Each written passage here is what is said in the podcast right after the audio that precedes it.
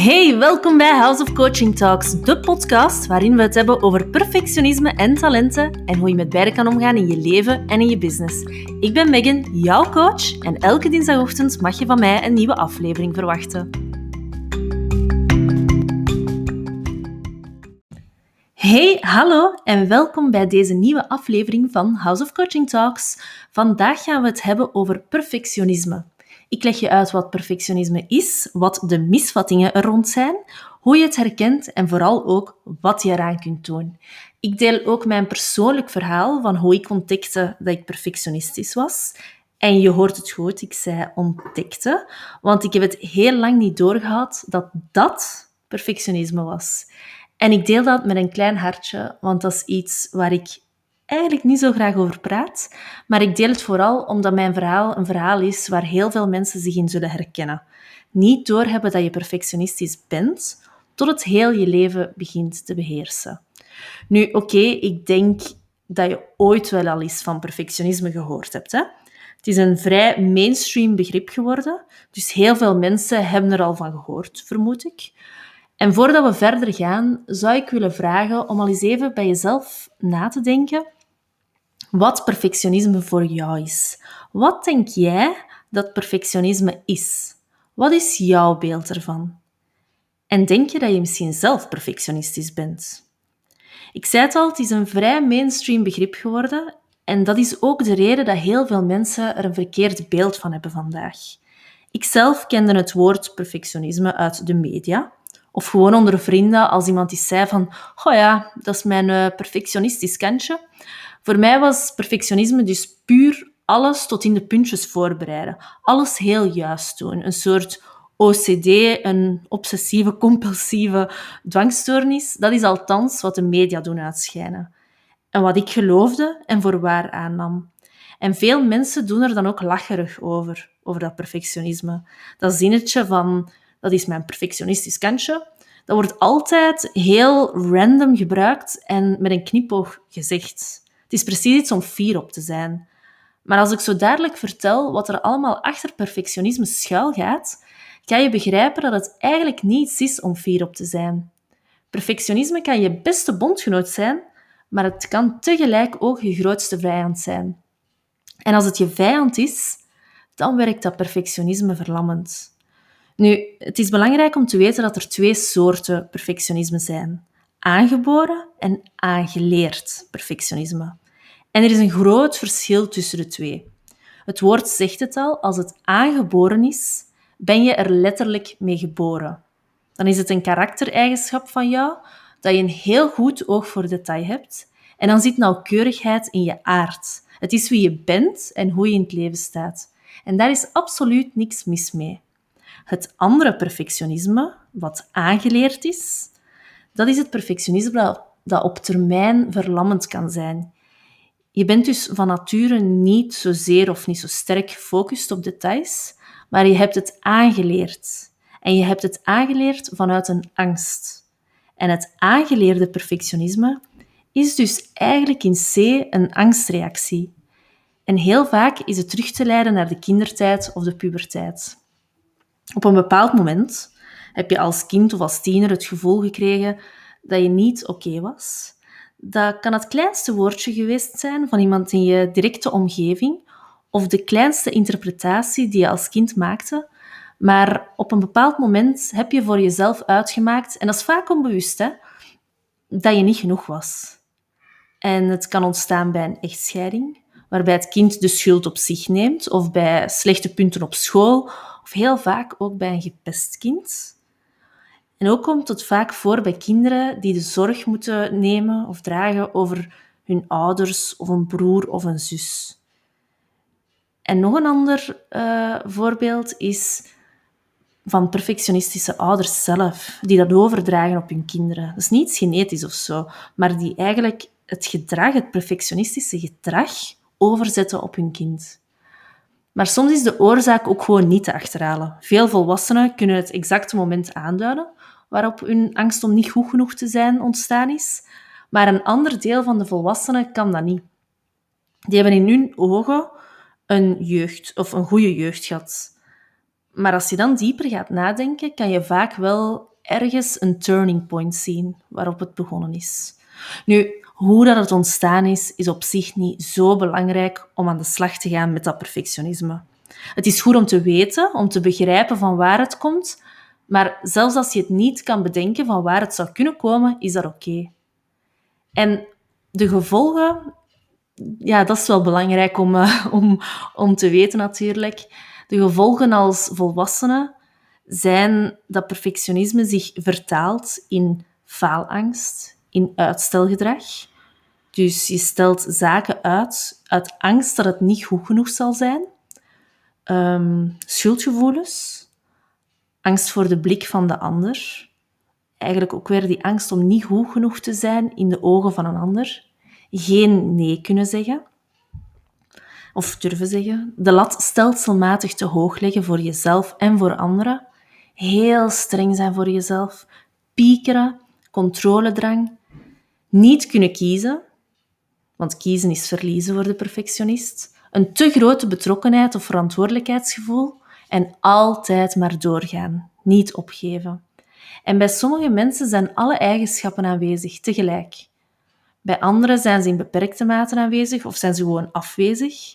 Ik zelf heb bijvoorbeeld geen last van keuzestress, maar de mate waarin dat ze aanwezig zijn bepaalt wel jouw levenskwaliteit. En mijn perfectionisme is vrij laat ontstaan. Relatief laat in, in relatie of, of in vergelijking met anderen, later dan bij de meeste mensen. Mijn perfectionisme is ontstaan in het eerste jaar aan de universiteit. Toen ik 18 was en communicatiewetenschap studeerde. Ik was altijd modelstudent geweest. Ik moest er weinig voor doen. En ik had altijd goede punten op de lagere school, in het middelbaar. Maar daar in mijn eerste jaar op kot in Leuven ben ik wel 100% de mist in gegaan. Ik ging ervan uit dat ik ook hier er wel zou doorvliegen zonder veel zorgen. Maar dat is wel een klein beetje anders uitgedraaid. Ik weet nog dat ik tijdens de blokperiode, um, dat is mijn kerstmis, dat ik de blokperiode inging en ik had blanco cursussen. Ik was nogthans altijd braafjes naar de les geweest, maar ik had er geen erg in dat ik mijn cursussen nog niet aangeduid had. Zo heet dat dan, hè? aanduiden met fluo-stiften, met potlood onderlijnen en aanduiden wat dat belangrijk was, wist ik veel. En ik weet nog dat mijn zus, die twee jaar ouder is dan, dan ik, mij aan het begin van de blokperiode erop wees dat het eigenlijk niet zo goed was dat ik met blanco cursussen aan die blokperiode begonnen was. Goh ja, dacht ik, drie weken knallen en dat zal wel lukken zeker. Dus voilà, die eerste examenperiode stond voor de deur. Het was januari. Ik was door alle cursussen geploeterd ondertussen en ik deed mijn acht examens. En na elk examen was ik wel vrij tevreden. Ik had wel het gevoel dat het goed was geweest. En ik begon mijn volgende examen voor te bereiden dan. En eind januari, de dag dat we onze punten kregen, herinner ik mij dat ik met twee vriendinnen naar de bibliotheek was gegaan. Daar stonden van die vaste computers en daar gingen we onze resultaten dan gaan inkijken. Allemaal samen, alsof dat een, eh, een gezellig uitstapje zou worden. Dus we logden alle drie apart in op een computer. Zij zaten op een rij computers en ik op een rij. Ik zat met mijn rug naar hen, dus met zo'n gangetje ertussen. En terwijl ik aan het inloggen en aan het doorklikken was, hoorde ik al de eerste zucht van opluchting. Van oké, die eerste vriendin was geslaagd. Oef, oké, goed voor haar. En een halve minuut later ongeveer hoorde ik ook van die andere vriendin uh, een gezucht en een opgelucht ademhalen. Oké, dat is al twee. Ze waren alle twee geslaagd. Oké, nu ik nog. Dus ik opende de pagina waar dan mijn resultaten op stonden. En toen, toen werd alles zwart voor mijn ogen. Ik, die nog nooit in mijn leven op iets niet geslaagd was. En dat klinkt heel pretentieus als ik dat zou zeggen. Maar het was zo. Ik was over de volledige lijn gebuist. Het enige vak waarop dat ik geslaagd was, was inleiding tot de psychologie. Oh, de irony als ik er nu aan denk. En ik herinner mij dat ik direct in de ontkenningsfase was gegaan. Nope, dat kunnen niet mijn punten zijn. Onmogelijk. Waarschijnlijk een foutje in het systeem en ik heb iemand anders zijn punten gekregen. Dat zijn niet mijn punten. Dat kan niet. Maar aan de blik van mijn vriendinnen zag ik al direct dat die kans wel vrij klein was dat iemand anders zijn punten waren. En toen moest ik naar buiten. Ik had, ik had eventjes geen adem meer. Ik had verse lucht nodig. En daar in die verse buitenlucht heb ik mijn ouders gebeld met de daver op mijn lijf Zo bang voor de teleurstelling. Kwaad zouden ze niet zijn, maar ze zouden het gewoon niet begrijpen. En effectief, het was exact hoe ik het dacht. Ze waren niet kwaad, maar ze konden het niet begrijpen. Misschien was het toch wat te hoog gegrepen voor mij. Misschien moest ik toch eens mijn opties herbekijken en naar een andere studie op zoek gaan.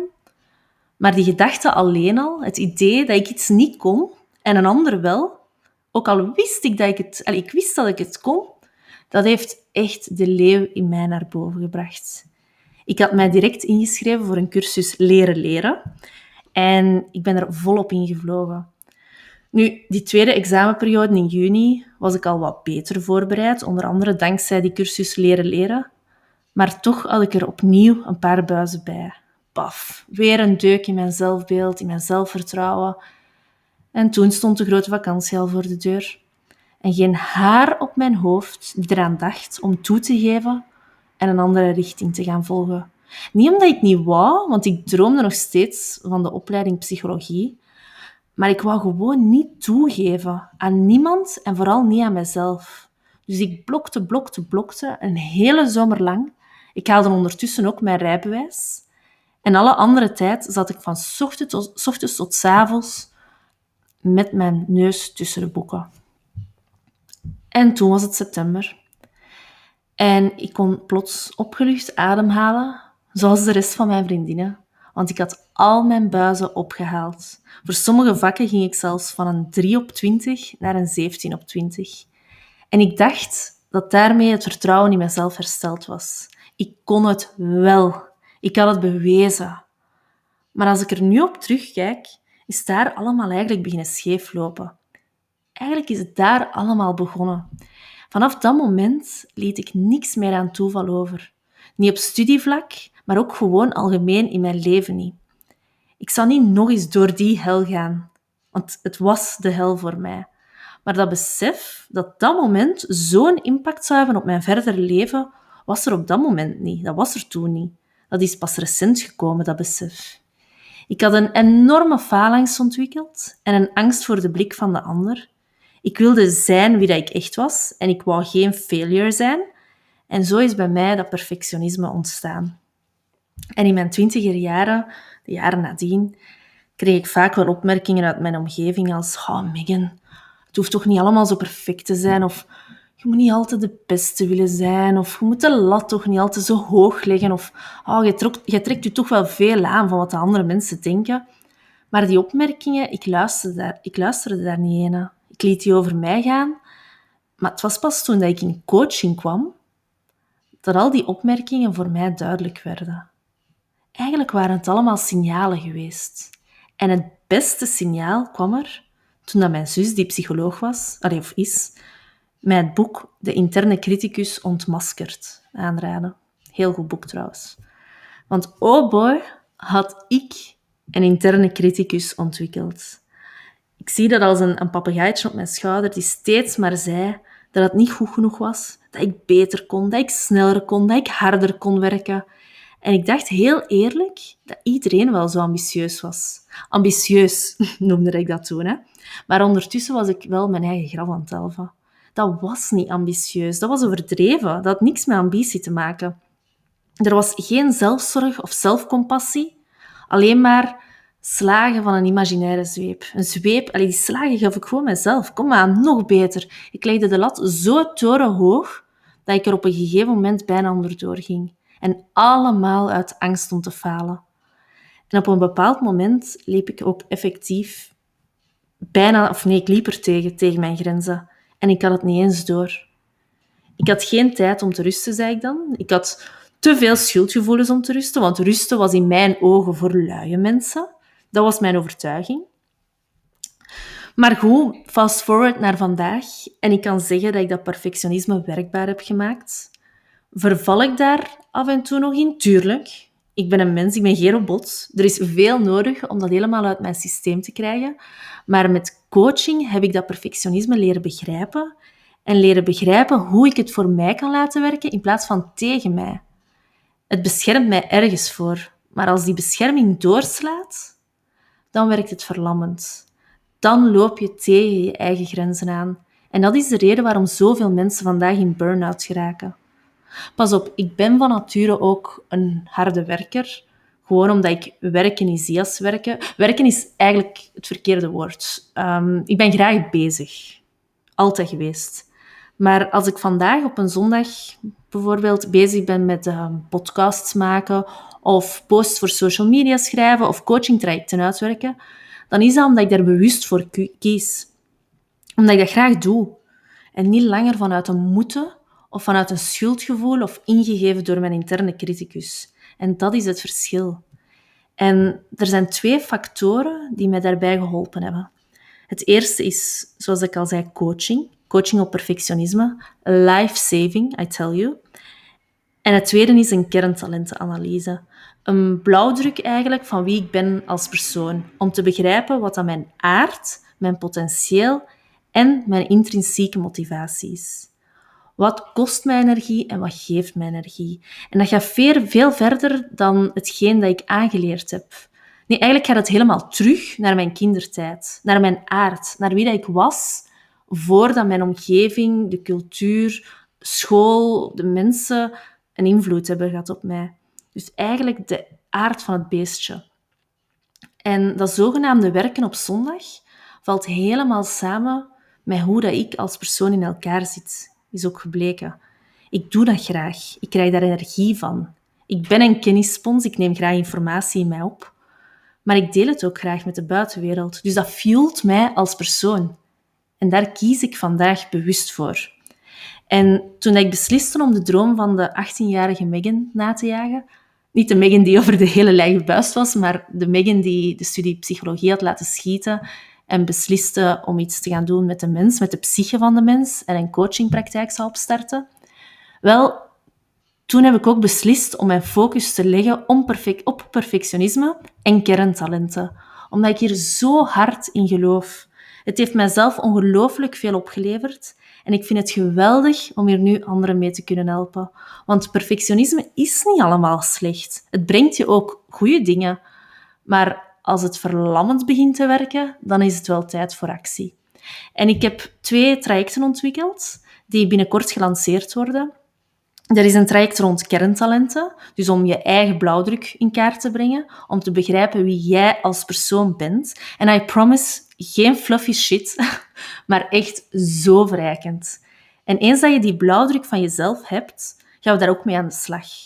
Dan ga je, ga je dat kunnen inzetten in je leven, in je carrière, zodat je de juiste keuzes kan maken. Keuzes die passen bij jou als persoon. En dat is iets dat vaststaat. Dat is niet iets dat um, met de competenties dat je opbouwt verandert. Dat is echt de aard van wie dat jij bent. Daarmee verschilt dat ook sterk van andere soorten talentenanalyses. Want dat zijn talentenanalyses, dit is kerntalenten, dat is iets helemaal anders. Um, en een tweede traject is het perfectionisme-traject. Daarin gaan we actief aan de slag met je perfectionisme en niks wordt daarin uit de weg gegaan. Dus heb jij zoiets van, hmm, dat kan hier wel iets voor mij zijn? Wel, ik heb een wachtlijst opgezet waarop dat je je kan inschrijven. Geheel vrijblijvend, maar dan krijg je wel als eerste alle informatie toegestuurd van zodra dat de trajecten van start gaan. Je kan je inschrijven via www.houseofcoaching.be slash klik-hier. Dus www.houseofcoaching.be slash klik-hier. En daar staat dan een linkje naar de wachtlijst. En zo zijn we aan het einde van deze aflevering beland. Is er nog een vraag onbeantwoord gebleven? Stuur me dan zeker eventjes een bericht via Instagram op houseofcoaching.be. En vond je deze aflevering interessant? Deel hem dan zeker in je stories en tag mij ook eventjes met houseofcoaching.be. Dan zie ik dat ook. Dus bedankt dat je er vandaag bij was en heel heel graag tot volgende week.